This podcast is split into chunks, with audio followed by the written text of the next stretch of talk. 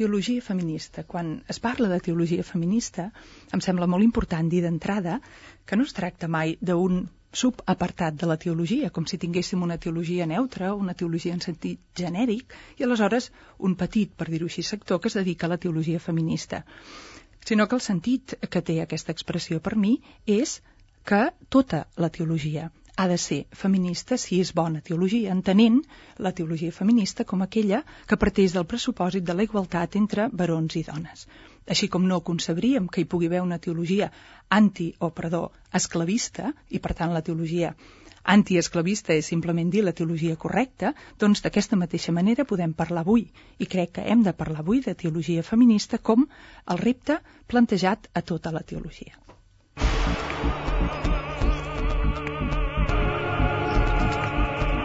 L'Hora de Plutó, amb Núria Ribot.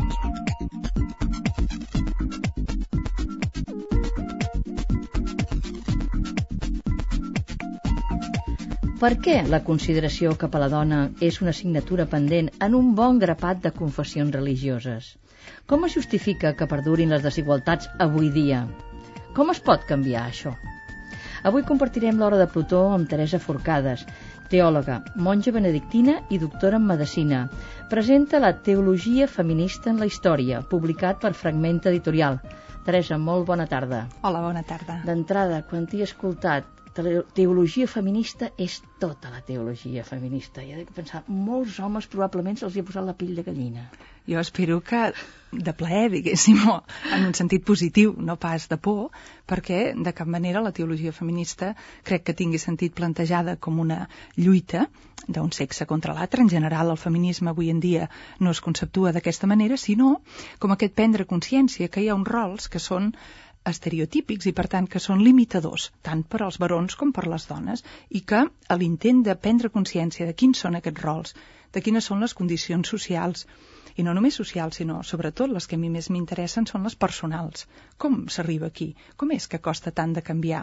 Com és que, si anem parlant d'onades de feminisme, no? la primera se suposa a finals del de, segle XIX, la segona als anys 70, la tercera potser vindria ara, però onada significa les onades venen i les onades se'n van. I per tant vol dir que és una cosa diferent. Per exemple, quan es compara amb el moviment antiesclavista, no trobem eh, avui en dia grups sencers d'esclaus negres nord-americans, per exemple, que diguin no, a nosaltres ens agrada més com era abans. I en canvi sí que ho trobem en el cas de les relacions entre home i dona. Aleshores vol dir que aquí hi ha unes condicions que no són només externes o socials i aquestes de vegades són difícils de tractar, però em sembla que comencem potser a estar a punt de fer-ho, des de la teologia i també des de la societat en general.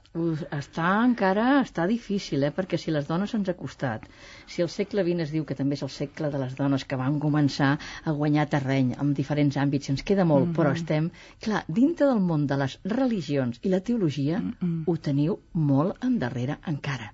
Només cal veure que és un estament en el qual les dones no existeixen a nivell de jerarquia, veus aquelles reunions de bisbes, veus tot allò que et sembla com una pel·lícula i tots són homes, quasi bé com la reunió de la Unió Europea de la Comissió, eh? també et diria, a dir... anava a dir-te la foto de l'altre dia de Lisboa, veies dos o tres dones només, veies dos o tres dones, i és veritat que ja tenim dones presidents, però no caiguem en això. Jo penso que, clar, falta molt i molt i molt per avançar. Aquí no només amb la religió catòlica, no només. Això, quan pensem en religió religions en general i, i en el cas del catolicisme, doncs, que potser el tenim més a prop i doncs, el cas de ser monja jo doncs, el vist directament, jo diria que potser, i potser és una tesi que s'ha de comprovar, eh, però que hi hauria com les dues coses, vull dir, a dintre de les religions un remanent institucional visible que potser no és políticament correcte ja avui, i podem pensar en molts casos del catolicisme que hem anomenat, tot i que hi hagi moltes branques cristianes protestants, esglésies cristianes protestants en les quals aquesta igualtat sigui més visible i sigui, per dir-ho així, eh, com la que veiem a la societat, de dret absoluta, de fet, problemàtica, però també doncs, els sostres de vidre existeixen a la societat, etc. Però encara hi ha, no només en el catolicisme, sinó en l'àmbit ortodox, de, dintre del cristianisme, després també en l'islam i també doncs, en el mateix budisme, que també té moltes variants, per dir-ho així, igualitàries, però també en té d'altres on les monges budistes estan sotmeses als monjos d'una manera molt semblant a com doncs, encara en l'Església Catòlica hi ha alguns d'aquests cànons. Per exemple, que doncs, les monges necessitin la representació d'algú ordenat, d'un sacerdot, per fer segons quins tràmits amb el bisbat. Això a la pràctica significa doncs, que un grup de dones necessita un home que la representi i al revés no és el cas. No? Per tant, aquesta visibilitat de desigualtat és clara i, i és. Per què he dit dues coses? Doncs perquè mm, en aquesta mateixa església que té aquestes estructures que visibilitzen aquesta, eh, i la fan real, aquesta desigualtat, i trobes persones, i no només excepcions, sinó que en aquest llibre, bueno, d'altres estudis que hi ha, eh, això ha passat durant tota la història, que no només no, per dir-ho així, eh, estan d'acord o no justifiquen aquestes estructures, sinó que són capaces de parlar d'una visió d'un altre estat de coses i de viure-la, de fet, en petites comunitats, i que, per tant, per això dic que hi ha també aquesta vessant. No veig només el conjunt de les religions com una força regressiva, que ho són, però no només això. Hi ha també l'altre vessant, i jo crec que si no hi fos, això ja no, ja no interessaria, ja no duraria, ja no, ja no seria viu entre nosaltres, no? I el problema és que hi hagi les dues coses, perquè això vol dir que hi ha una tensió i que hi ha una anant endavant i una enrere. Aquestes onades que dèiem. A veure, jo d'entrada deia que ets, eh, ets metgessa, ets doctora en medicina, eh, ets, ets monja, benedictina, teòloga, però clar, jo em vaig endarrere. A veure, monja, metgessa, com es salta d'un món a l'altre? Hi ha alguna connexió? Que faci possible això. El fet de que tu ara te plantegis d'aquesta forma, aquesta reivindicació feminista, és perquè vens d'un món en el qual, com a metgessa, també ho paties, però has passat en un altre àmbit. Com es salta? D'entrada, com es salta d'un àmbit a l'altre, que és el que ens sorprèn? Jo crec que, a banda del que seria la cosa més anecdòtica, que em puc dir alguna cosa, de la cosa més profunda, cada vegada que m'ho pregunten em surt una explicació diferent. I això crec bueno. que és perquè la vida és complexa així i aleshores també un no acaba de saber mai exactament els motius que el porten a fer una cosa o una altra. El que sí que puc dir és que en l'exercici de la medicina està clar que hi ha un contacte amb el patiment de les persones i que això fa que de vegades sigui un contacte amb un moment en què la persona per dir-ho ràpid, es treu la careta, no? aquesta careta social que tots acostumem a portar, també les monges, també a l'església, i que en un moment de malaltia, de desvaliment, doncs, eh, com si ja no et valgués aquestes eh, seguretats habituals, més si t'enfrontes amb la mort, que no són tots els casos, però en la medicina interna hospitalària i eh, de cures intensives, que és on vaig passar-hi potser més de temps, doncs això és, és aquest el cas. I per tant, tant per part dels pacients com de les famílies, hi ha unes preguntes que estan a flor de pell, que es formulen o que no es formulen, però que impacten i que no és el tema del tracte metge-malalt, però que aquestes preguntes jo crec que a mi m'anaven calant i m'anaven obrint uns interrogants, unes preguntes que no tenen per què conduir ni a la religiositat ni a, una vocació monàstica, però aquestes hi eren, no? I per tant és una possibilitat de vincle entre l'una i l'altra. Eh, I llavors l'altra, que és l'anecdòtica, és que de fet jo vaig anar al monestir del qual ara formo part, mm, això devia ser l'any 95, a preparar un examen de medicina. Per tant, si no hagués estat per la preparació de l'examen, doncs no hauria conegut la comunitat, no hi vaig anar per cap interès vocacional i vaig anar amb els meus llibres, el meu ordinador... I com se t'acut anar a un monestir, diguéssim? Oh, és bastant freqüent. Ara venen sí, bastanta sí. gent i puc dir ara que som a la ràdio que tots els que venen aproven. No, no, no.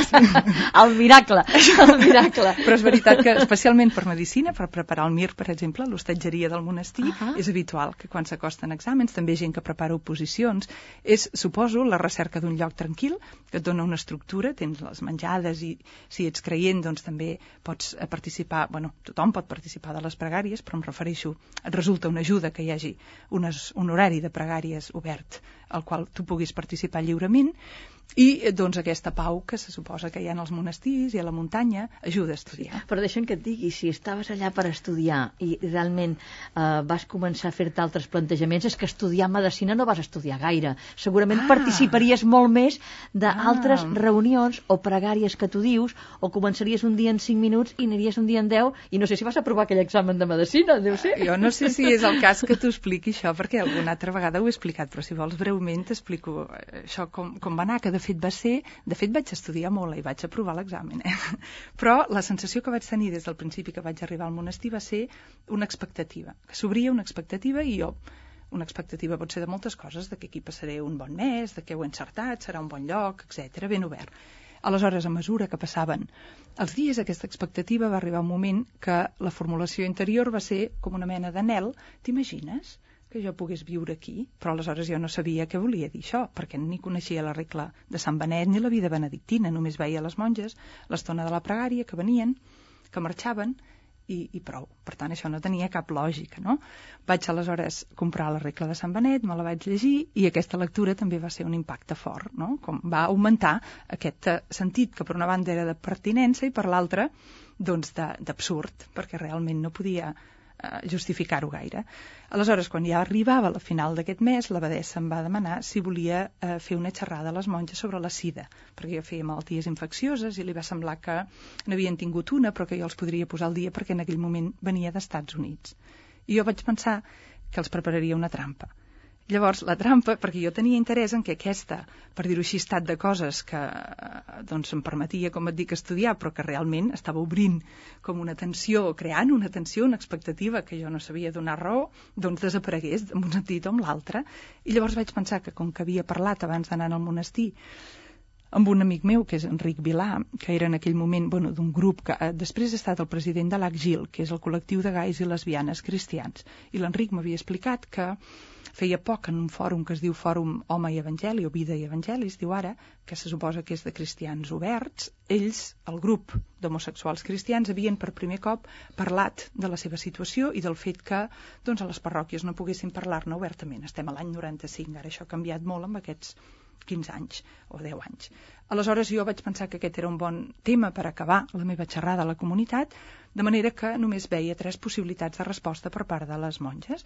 I la primera era doncs, que de seguida alguna aixequés la mà i digués bueno, però això de l'homosexualitat que diu el papa, que és la cosa dogmàtica, i a buscar de seguida una mena de seguretat externa, amb la qual cosa jo creia es desfaria aquesta mena de connexió tan forta que tenia jo amb no sé què. Et posaves a prova tu mateixa, també. Mira, no ho sé, ja ho veuràs que potser sí, però jo no, em semblava que la cosa era clara. Una era aquesta. La segona, dic potser sí, que són una comunitat que doncs aixequen la bandera dreta reivindicativa i diuen que això és una cosa que ha de canviar i d'alguna manera la meva experiència en aquell, en aquell mes tampoc moria això lligat massa, tot i que no tinc res al contrari en contra d'això, sinó que en aquell moment allò tampoc no hauria resultat ser doncs, suficient com per uh, tirar endavant aquesta sensació que tenia. I la tercera, que jo creia serà la més probable, pel que connecta l'Església, etc, serà fugir d'estudi.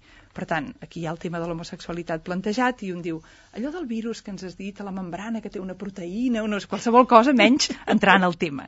I pensava, segurament serà la tercera. Vaig fer la xerrada, vaig acabar i vaig explicar això de, de l'Enric i d'aquest grup la primera monja va aixecar la mà, la Rosa Maria, que aleshores tenia 92 anys, o ara ja és morta, i em pregunta això del grup d'homosexuals que has dit, dic, ep, la resposta 3 segur que no ho és, no? Uh, és que són molts en aquest grup? I jo dic, ah, doncs, no sé, sí, no masses, no massa pocs, perquè jo coneixia amb un, però no sabia ben bé. La segona, la Regina, que encara sí que viu, diu, i en aquest grup hi ha noies? I jo dic, ah, doncs, Sí, alguna, però jo no sabia. Jo, de fet, no coneixia el grup. Coneixia l'Enric i prou.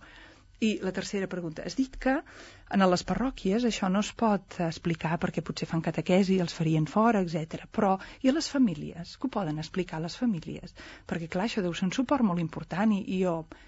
Ah, alguns sí, alguns... O sigui que jo a mesura que sentia aquestes preguntes m'anava donant que jo de tot allò no en sabia res i saps aquella sensació del caçador caçat?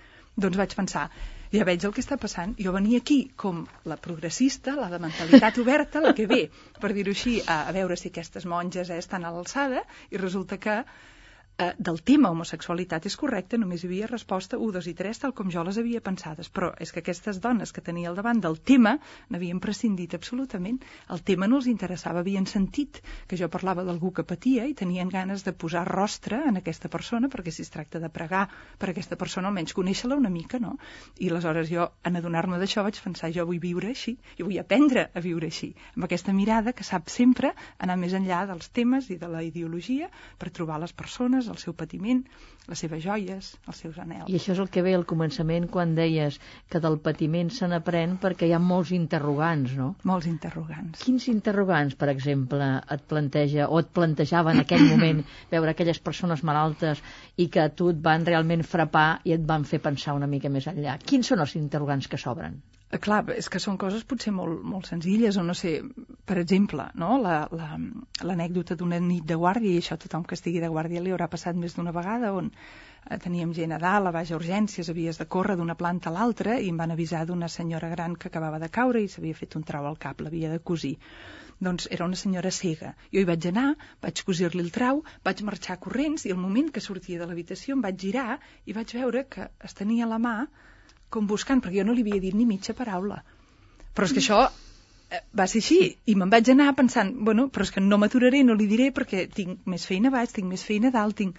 I això era un dia i un altre, i això no vol dir que no es pugui exercir humanament la medicina, i tant, i en conec molts de companys meus de, de carrera i d'especialitat que ho fan, però això per mi eren petites experiències que per això em van fer ser, crec jo, més sensible a trobar un lloc on no només es pot fer una mica, sinó que això és tot el que es fa, això és l'ideal, eh? Després al monestir tenim problemes i límits i dificultats com a tot arreu, però allà hi som només per fer això. En canvi, en l'ambient laboral, tal com jo l'havia viscut, això es podia fer, però amb un cost personal important i de vegades fins i tot contracorrent. Mm -hmm. La veritat és que les teves paraules m'obren molts interrogants i molts també me n'obren. Tenim encara molt, molt bona estona, però ens agradarà escoltar la Pilar de Pedro perquè ha preparat una mica el perfil de Teresa Forcades, que hem dit d'entrada monja, teòloga, benedictina, tot aquest munt de coses que ja hem escoltat d'entrada, com ha canviat d'un àmbit a l'altre, però ens agrada saber una miqueta més. Pilar de Pedro.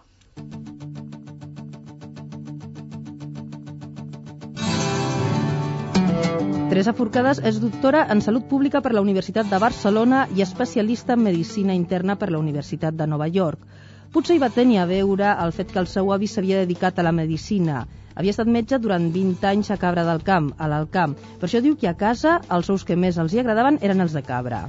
Quan la nostra convidada buscava tranquil·litat per estudiar medicina, va fer una estada a Montserrat, que va influir molt per ajudar-la a trobar la seva vocació religiosa. Teresa Forcades ha estudiat també teologia a Harvard i a l'Institut de Teologia Fonamental de Sant Cugat i és monja benedictina de Sant Benet de Montserrat des de fa 10 anys. La nostra convidada va dedicar la seva tesi doctoral en salut pública a les medicines alternatives i la tesi de llicenciatura en teologia a la Trinitat. Ha publicat La Trinitat avui, Els crims de les grans companyies farmacèutiques i ara La teologia feminista en la història, editat per Fragmenta. Un tret del seu caràcter, la impulsivitat. Quan té temps lliure, a Teresa Forcades li agrada fer sobre taula amb els amics, passejar, tocar la guitarra i la lectura, i ens recomana qualsevol llibre de la novel·lista canadenca Margaret Atwood. Actualment, la nostra convidada viu a Alemanya, a Trier, l'antiga Treveris romana, la ciutat més antiga del país, frontera nord de l'antic imperi romà. Treballa amb la seva tesi doctoral en teologia sobre el concepte de persona. Una petita cosa a la vida quotidiana d'aquí que troba a faltar quan és a Alemanya, la llum daurada del Mediterrani. Li hem demanat que ens recomani una activitat per fer si alguna vegada tenim l'oportunitat d'anar-hi a Trier, en solo sense. Ella ens recomana un vol en avió sense motor que s'eleva gràcies a una corda i a l'aire que baixa pel revolt del riu. Diu que podem planejar més de mitja hora per sobre dels meandres sinuosos del riu Mosel, afluent del Rin, les vinyes verdes encinglerades en pendents de més de 60 graus i els campanars d'agulla de la ciutat. En prenem molt bona nota.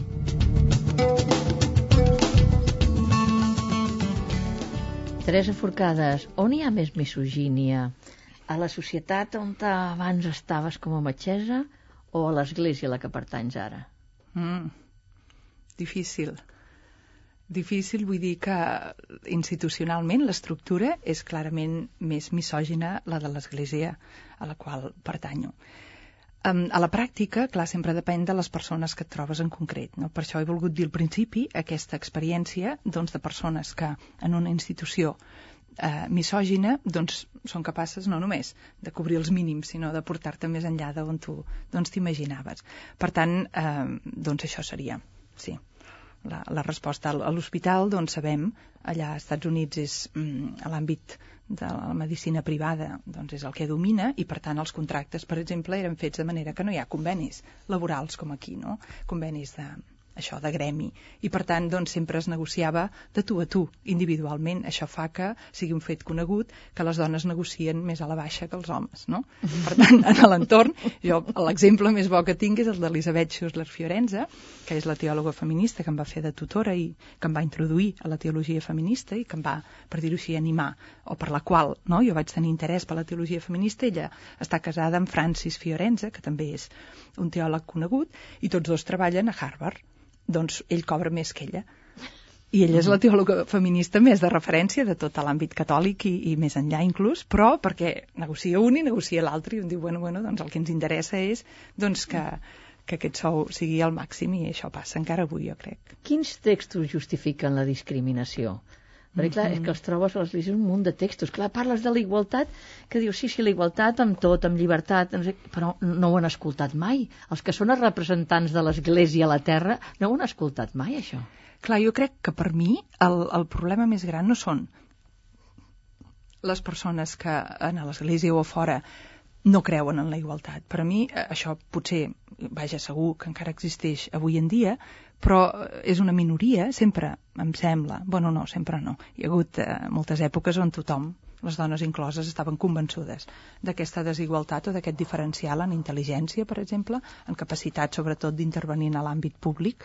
Avui en dia jo crec que això en el nostre àmbit almenys, és una minoria i també a l'Església és una minoria i per tant el que jo considero més delicat o perillós en aquest sentit és el pensar eh, això que he dit al principi, no? en la introducció, els estereotips. Dir, naturalment, que hi ha igualtat, només faltaria. Déu ens ha fet dir això en els textos bíblics, és una constant, no? Aquesta igualtat de la creació entre el baró i la dona. Però... I la igualtat de l'estimació, la igualtat de la dignitat humana. Però, evidentment, ara vindria aquest raonament que s'ha de problematitzar, evidentment ens ha fet diferents. I diferents vol dir, per exemple, doncs que la dona està més atenta a les necessitats dels altres naturalment, no? per naturalesa. Vull dir, i si Déu li ha donat Diferents això... sí, però desiguals no, però jo et demanava per la desigualtat. On neix aquesta desigualtat? Clar, però fixa't que t'he dit, Núria, si tu dius que per natura la dona està més atenta a les necessitats dels altres, home, ja es veu què passarà, no? Vol dir que, evidentment, a la dona li correspondrà doncs, el,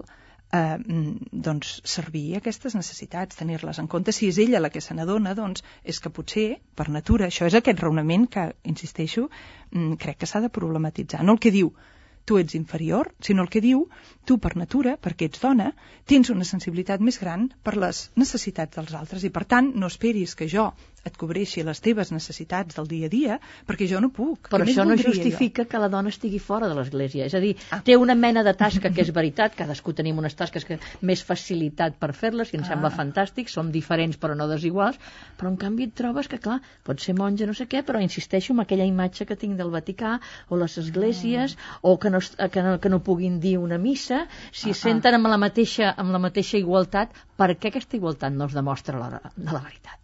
De la vida quotidiana a l'Església. D'acord, perquè jo, no sé, em sembla que això que, que deia de la diferència, jo ho dic així, però després ho problematitzo, és a dir, que jo crec que aquest és el nucli, aquest és l'arrel del problema. Pensar que això, d'acord, val, molt bé, les dones tenim aquesta sensibilitat més gran per les necessitats, però anem a parlar de la, de la qüestió d'igualtat jo crec que hem d'anar en aquesta prèvia. I aquesta prèvia és dir, espera, espera, què vol dir això? Què vol dir això? Perquè potser això s'educa, eh? I potser aquí hauríem d'intentar, doncs amb l'educació precisament, si és que és veritat que hi ha un punt de partença en el qual això pugui ser així, que tingui a veure amb la identificació de la nena amb la mare o alguna cosa així, si és que és veritat, això no vol dir que tinguem determinat el punt d'arribada. Jo de vegades quedarà la frase una mica així rimbombant, però em parlo com un punt de partença antropològic i un punt d'arribada escatològic i aquesta paraula escatologia es pot eh, substituir per utopia, però llavors quan dius un punt d'arribada utòpic sembla que no s'hi arribarà mai. Mm. Però eh, el sentit és aquest, un punt de partença antropològic potser sí diferencial i amb eh, una certa contingut d'aquests que en diem estereotípics. Però això no vol dir que sigui el punt d'arribada. I llavors el repte de l'educació seria de quina manera podem fer bueno, el que Déu esperaria de cada un de nosaltres, barons o dones, seria un creixement cap a aquest punt d'arribada utòpic, que seria aquesta persona que es desplega en llibertat i en amor. Aquesta persona és sobre la qual tu estàs fent la teva tesi Sí, doctoral exacte. o la teologia. Parlant, o sigui, el concepte persona, Sí. co- com enfoques aquesta, co- com és aquesta tesi, el concepte persona? Seria, jo crec, així per dir-ho ràpid, és com des de la teologia de la Trinitat, perquè aquest mot persona, això de vegades no es coneix i és interessant, sembla que sigui un mot, no sé, pertanyent a la psicologia, a la sociologia, a qualsevol ciència, però no precisament a la teologia. I en canvi és un mot que, en el sentit que avui l'usem, troba el seu inici en el context dels debats trinitaris del segle IV. Perquè quan es debat que Déu és un, però hi ha algú que s'anomena pare, un altre fill, un altre esperit sant. Doncs què són aquests tres? Tres formes? No, tres què? Tres ens, tres éssers, tres déus, tres déus, no, tres persones. I llavors surt aquesta paraula que des del seu inici vol dir sobretot la relacionalitat. És a dir, que té molt a veure des de l'inici amb la relacionalitat passen els segles i aquí hi ha tota una història que ara no podem resumir, però eh, quan apareix aquesta etapa que en diem la modernitat, la nostra, ens concebem a nosaltres mateixos sobretot en funció d'una característica que en aquesta teologia primera no surt gaire, que és la llibertat. És a dir, la llibertat personal passa a ser el tret definitori del subjecte, d'una subjectivitat. Aleshores, en la tesi aquesta jo intento poder al mateix temps eh, descriure quins són els límits del nostre concepte de llibertat contemporani, però al mateix temps poder parlar des de la teologia, una teologia que tingui en compte aquesta reivindicació amb tota la seva força. No? Què significa ser persona des de la llibertat. I llavors, de vegades em va bé fer servir una dita que ja és de Sant Agustí, que és molt coneguda, que és aquesta de estima i fes el que vulguis. No? I això a mi m'interessa per dir, crec que el concepte fals de llibertat és un concepte que digués, primer jo sóc lliure, perquè Déu m'hi ha fet o perquè jo m'hi he fet, el que sigui, però comencem amb la llibertat i llavors jo decideixo si vull estimar o no. Jo crec que mirat així, des de la teologia trinitària és impossible i des de la vida quotidiana és molt problemàtic. Quina és l'alternativa? L'alternativa és pensar que només sóc lliure en la mesura que estimo i només estimo en la mesura que sóc lliure. Les dues coses. I això té una lectura de gènere, perquè de vegades es diu les dones d'estimar en sabem més. De ser lliures no tant, eh? perquè hi ha moltes dones que es Eh. queixen de que poc lliures que són, no? I els homes de ser lliures en saben més. Ara d'estimar no en saben tant. Fals. Des d'aquest punt de vista de la persona això seria veritable com a consciència, però falsa consciència, perquè seria impossible objectivament. És a dir, que si fem una escala de l'1 al 10, si tu tens 3 de llibertat, tens 3 d'amor. Si tens 8 d'amor, tens 8 de llibertat. Sempre anirien paral·lels. Seria impossible tenir una persona que estima més del que és lliure o que és lliure més del que estima. M'agradaria saber, Teresa, i digue'm la veritat, en què comparteixes aquest discurs? En qui l'escolta i el comparteixes i el pots discutir? Perquè, clar, mm, hi ha moltes esglésies, l'església plural mateix, hi ha molts grups de cristians que Sí. realment planten cara de la teoria de la, de la, la teologia, perdó, de l'alliberament, no? Mm. Però sabem com està contemplada des del Vaticà. I la, I la teologia feminista, tu dius que és una teologia d'alliberament. Malament, quan ho vaig llegir dic malament, perquè, clar, això, per l'església oficial no compta. Això m'ho vaig pensar, eh? Això vol dir marginació. Això vol dir estar fora del circuit. Per això et demano, qui escolta el teu discurs? Mm -hmm.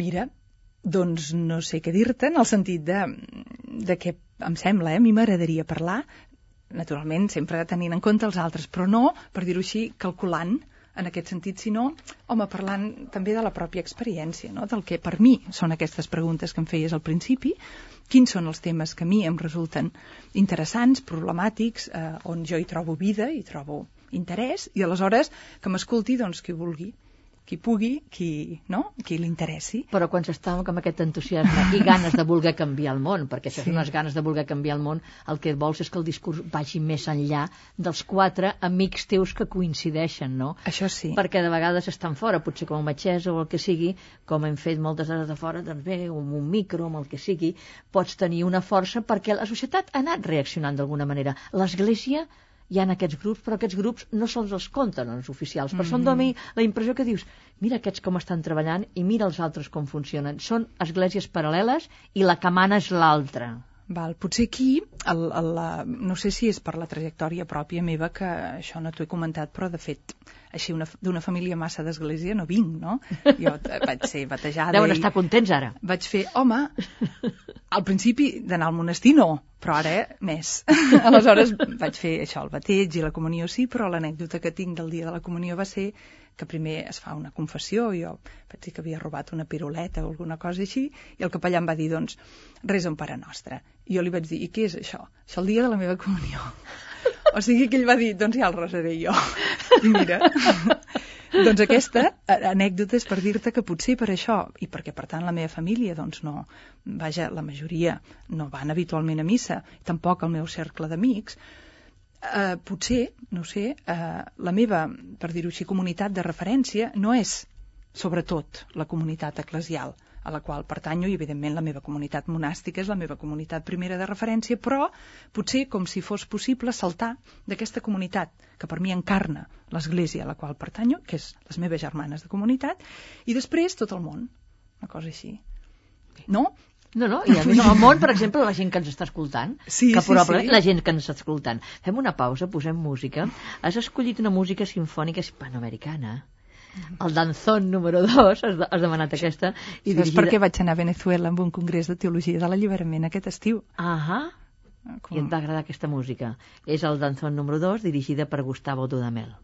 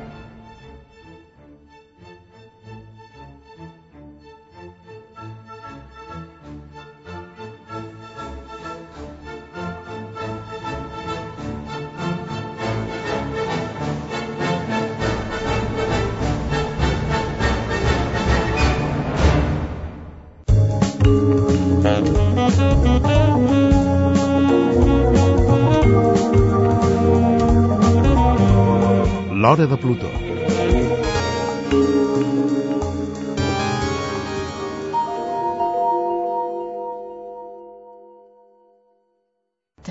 Tenia, molt de ritme, però no era la que tu havies escollit, i ara m'ho estava dient l'Enric, que és la Joven Orquesta Nacional d'Espanya i dirigida per Gustavo Medina, el que tu havies escoltat. Era la de Venezuela, no? De Directament Venezuela. per la jove orquestra venezolana i el director també és venezolà, Gustavo Uh-huh. Dudamel, i jo crec que ho fan amb una especial I- força. Sí, no, no, i amb un esperit i amb una força. Sí.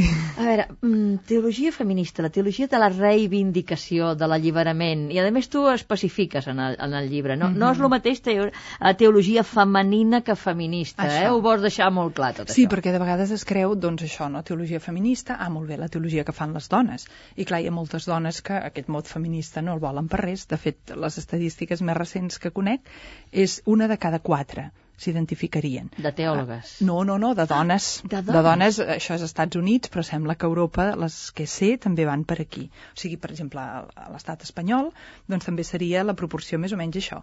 Això no vol dir que una de cada quatre dones, per exemple, creguin que les dones han de votar, que puguin tenir un compte corrent propi, etc. Això ho creuen totes les dones. O...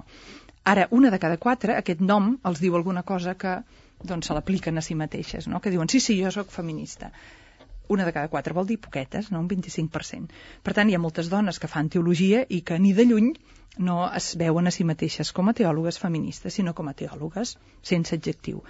Aleshores, què defineix? Si no és el sexe, si no és el sexe de l'autora, per dir-ho així, què defineix la teologia feminista? Doncs jo la veig com una teologia crítica, i això significa una teologia que neix d'una experiència de contradicció. Vol dir, doncs, que a la vida les contradiccions normalment no se les estalvia ningú, però si algú viu sense tenir-les, doncs eh, cap problema.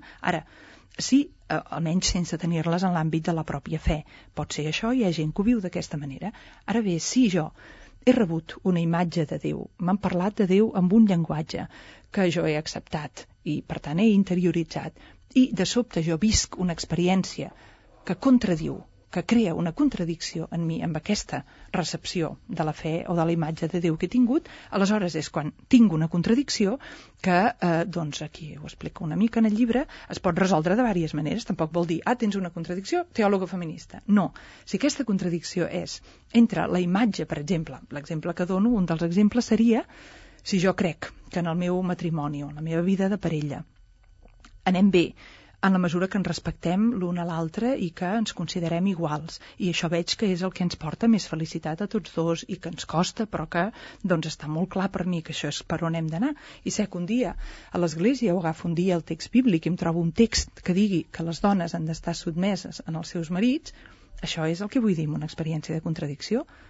Aquí jo no puc fer menys de notar aquesta disparitat, aquest gap. Puc ignorar-ho i passar pàgina, però si no faig això, aleshores tinc dues opcions bàsiques. Una seria dir, ah, doncs, parlar amb el meu company i dir-li, ho hem de canviar això, eh? Ara resulta que jo he d'estar sotmesa a tu perquè aquí ho posa. O puc dir, no, no, és que potser aquest text és el que o bé he d'interpretar d'una altra manera, o doncs això que, que he rebut no és la, la veritat, no és allò uh -huh. que em parla de, mm, doncs, de vida en majúscula. No? Aleshores, si opto per aquesta segona opció, aleshores doncs, em puc trobar amb què eh, elabori un tipus de resposta que dongui explicació amb això, que trobi molta acceptació en la meva església o en l'àmbit doncs, de, de qui sigui l'autoritat competent doncs, en la teologia de la meva religió, etc.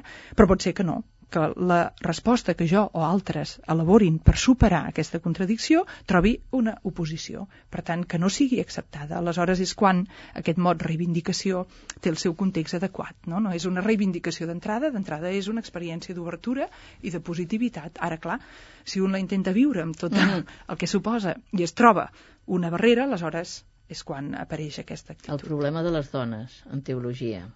Uh -huh. Mm? Sí, sí. Aquest eh, seria una de les possibilitats, no? Com dir, doncs mira, eh, aquests temes, per dir-ho així, aquestes contradiccions, si s'aborden, això és una de les coses que cita també Schosler Fiorenza, i de fet aquí ho vaig incloure, crec que és Marie de Gournay, que, que ja ho Mhm. deia en el segle XVIII, de dir és curiós perquè les dones que es dediquen a la filosofia o a la teologia sempre citen en els barons que fan teologia o filosofia. Diu, en canvi, els barons que fan filosofia o teologia no citen mai a les dones. Però és que elles no existeixen a la història. Tu mateixes aquí al Ah. llibre en parles un munt, que, Un munt. I, i, ma- de la mateixa Anna, que me'n rec no me'n Ah, la recordo. Schurman, La Schurman mateix, Schurman. no? que tu reconeixes que és la, la, dona, la, la dona més intel·ligent i més respectada del segle XVII, i en canvi no, No figura en lloc. Però això només, no només passa això, passa amb les pintores, amb les escultores, amb les científiques. Vull dir, la Vicky Convalia va treure un llibre rescatant aquestes Per dones. exemple. La, la Cavaller, la, la Anna Cavaller, si no recordo malament, també del món de les científiques, etc etc. Hi ha una Núria? recuperació. Tu saps, Núria, qui és Catherine McCormick? No. Doncs gràcies a ella tenim la píndola. Fets. Eh que no se sap això? Ah, ah. No és que l'hagués sintetitzat ella, però Sí, sí, te l'explico sí, un moment, sí, la sí, història i d'ella. i tant. Catherine Dermot McCormick. Ella, aquí la volia posar, la cito al final del llibre, però no vaig poder fer l'explicació per manca d'espai. Però jo, per mi va ser una sorpresa, quan es fa un llibre no vol dir que escrius el que ja saps, no? Tu fas recerca mhm, i, per tant, mhm. tens les idees però trobes molta cosa nova, no? Doncs Caterina Dermot McCormick va ser la segona dona que va tenir un, eh, una titulació en biologia al MIT, al Massachusetts Institute of Mm, Technology. mm, Això va ser l'any 1906, si no m'equivoco, eh? dic de memòria més o menys. Aleshores, l'any següent, després d'estar titulada en biologia a principis del segle XX, es va casar amb un multimilionari nord-americà que al cap de dos anys de matrimoni se li va declarar una esquizofrènia se li va diagnosticar una esquizofrènia. Aleshores, bé, com que eren multimilionaris, van anar a fer-se doncs, una gran finca a Santa Bàrbara, Califòrnia, però Caterina eh, eh, McDermott, o Dermot McCormick, creia, en aquell moment doncs, tampoc es coneixia eh, massa bé, que la malaltia seria o era hereditària. I, per tant, va passar tota la vida, amb el que ens podem imaginar que suposa, doncs, intentant evitar aquest embaràs sense tenir els medis escaients per fer-ho. Mm -hmm. El seu marit, quan va morir, hi va haver doncs, tot el que seria el, el comitè assessor d'aquesta gran fortuna que van impedir que ella pogués disposar-ne, mentre, no, quan el seu marit va estar donat, eh, per dir-ho així, com es diu això? Mm, Incapaç? Sí, exacte, incapa incapaç. Aleshores ella en principi era l'administradora, però aquest comitè li ho va impedir, només podia invertir en la investigació de la malaltia del marit, cosa que ella molt gustosament va fer i tenia també interès. Però ella des del principi volia invertir en què es desenvolupés un medicament que fos bo, barat i eficaç per evitar l'embaràs, perquè les dones poguessin triar quan... Llibertat. Exacte. Llibertat, és la paraula. I aleshores, quan el marit, després que morís el marit, ella tenia 72 anys, i va ser quan Luis Miramontes, un científic, un químic mexicà, va sintetitzar el component que és la base de la píndola. Però va ser gràcies als 2 milions de dòlars que Caterina McCormick va invertir, sense ni un centau del govern, perquè ningú de cap altra agència dominades en aquell moment per barons creia que tingués cap mercat una píndola perquè les dones no tinguin fills, perquè el que es tracta és que en tinguin, no hi va posar ni un centau. Tot va ser la iniciativa i l'interès d'aquesta dona, Caterina. Imagina't el gran problema, l'església dins de la qual estàs tu amb la píndola. Ja no Això. cal ni que en parlem, el gran problema. Fem una altra pausa, escoltem música, escoltem a la Montserrat Cavaller. Has, esco has escollit la casta diva de l'òpera Norma, de Bellini.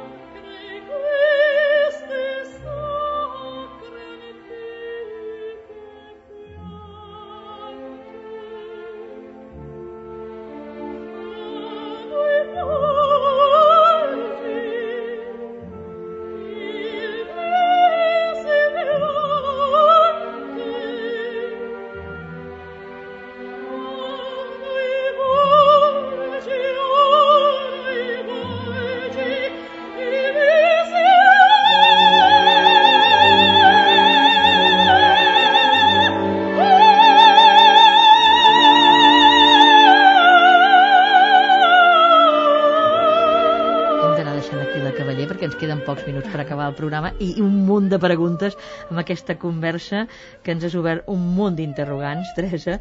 A veure, quin és el paper de la dona a l'Església ara, en el segle XXI? Quin hauria de ser? El que és ja el sabem, me sembla. Quin hauria de ser? O defenses tu? Jo crec que eh, he de contestar de pressa, oi, aquestes?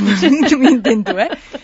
M'agrada dir que, mm, en lloc de pensar en el paper de la dona, és això de, de cada dona. És a dir, que el paper de la dona hauria de ser que tant a l'Església com a fora de l'Església cadascuna se sentís ben lliure per triar-lo. I aleshores jo em pregunto, per exemple, per què no casar-se dintre l'Església?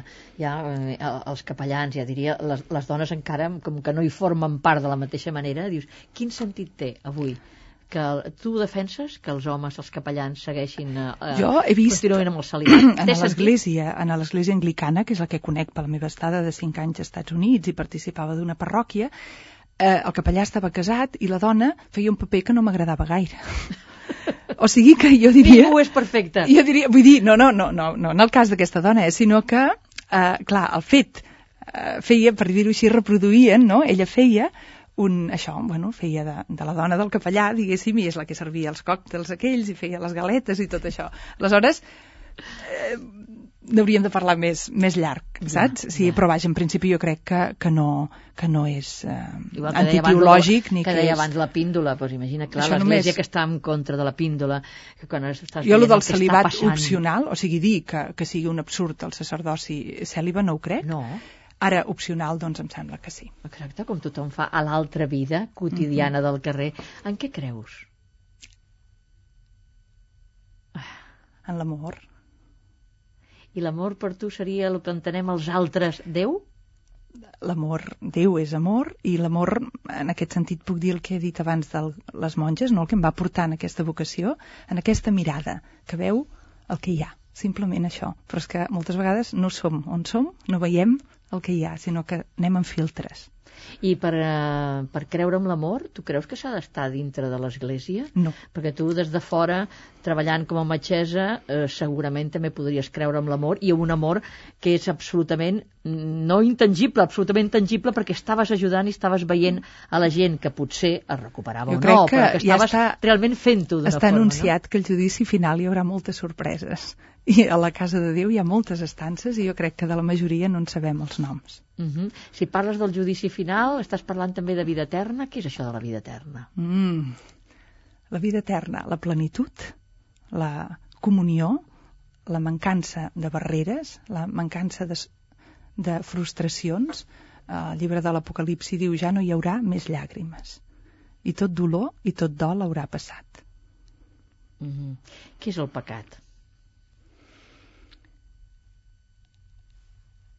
L'antiamor.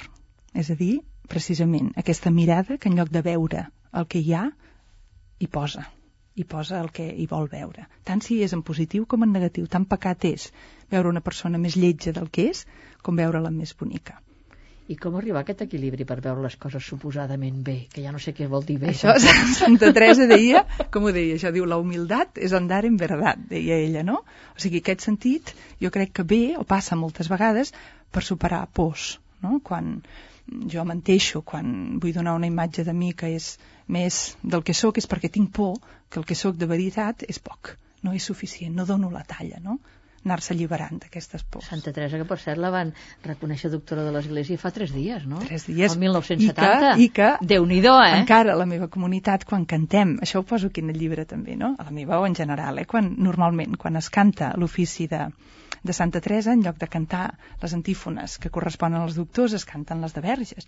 I això no passaria res, però el problema és que les dels doctors diuen mm, que celebrem la paraula d'aquesta persona que ha ajudat a d'altres i els hi ha donat suport, i les de verges diuen que no trontolli perquè Déu la sosté, és a dir, que donen una imatge de vulnerabilitat, de feblesa.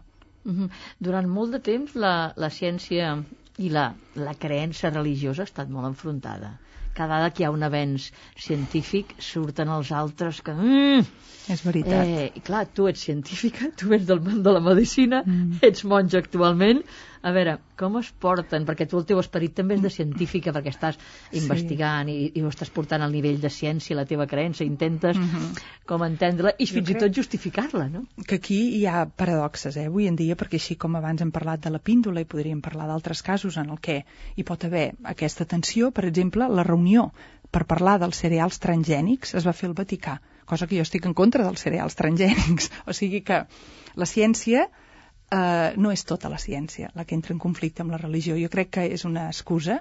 Ara no te la sabré citar bé, però von Baer, que va ser el descobridor de l'òvul, perquè l'òvul, fins a l'any 1847 més o menys, encara es creia que la dona només aportava la terra i la part activa era el semen, el semen de llavor, bé, no?, de semilla, doncs això, i l'altre era el receptacle, diríem. 1840 i escaig, o 27 potser, però... Doncs aquest von Baer va dir una cosa així com dir, primer, eh, quan es fa un nou descobriment científic, tens en contra el que serien els estaments religiosos. Diu, però, en realitat, el que impedeix que aquest desenvolupament científic es dugui a terme és la mateixa comunitat científica, els científics més grans que fins que no moren no es dona lloc. És a dir, que el dogmatisme també existeix en els mateixos grups científics. Tres, ens queda res, un minutet i una mica, i tinc al davant aquest eh, llibre que vas escriure, Els crims de les grans companyies farmacèutiques. La veritat és que no es poden llegir més denúncies des de eh, fetes a aquest món que tu coneixies, no? Mm. I, i, I realment mm, et posa una mica la pell de gallina. Parles de la sida a l'Àfrica, parles de la Viagra i del que significa investigar també per medicaments semblants per la dona i que no van interessar en aquell moment que es fessin eh, vas deixar molta cosa allà que potser la, la teva tasca aquí seria prou important, no? Perquè més reivindicacions i més denúncies no he pogut llegir en 45 pàgines Ah. sobre el món de les farmacèutiques. Aquesta sí que potser serà una decisió que la vida m'anirà portant, no si realment deixo del tot el que seria investigacions mèdiques, però de moment doncs ho porto una mica paral·lel, diríem. No exerceixo com a metgessa perquè visc al monestir, però sí que vaig fer el doctorat ja estant al monestir, de salut pública, i quan em demanen investigacions o col·laboracions, doncs les faig molt de gust perquè doncs a mi em sembla que això de tendir ponts entre, en aquest cas, teologia i medicina i en general, doncs és una vocació ben bonica.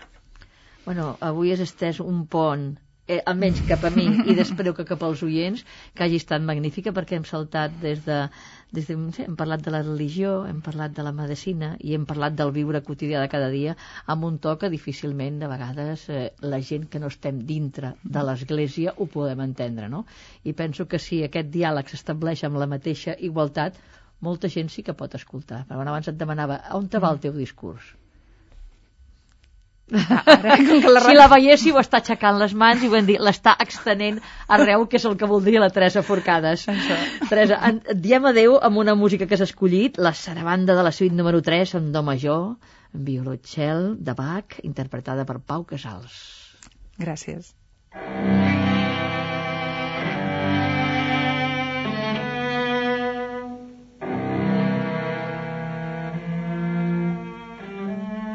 Si et dic bon Nadal i aquestes coses, com sonen aquest, aquests tòpics? Bon Nadal, bones festes, bon any nou.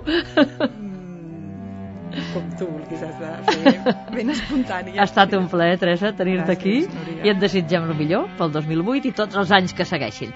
També donem les gràcies als nostres oients i també els desitgem unes festes fantàstiques, però no només les festes, que s'ho passin bé la resta de l'any.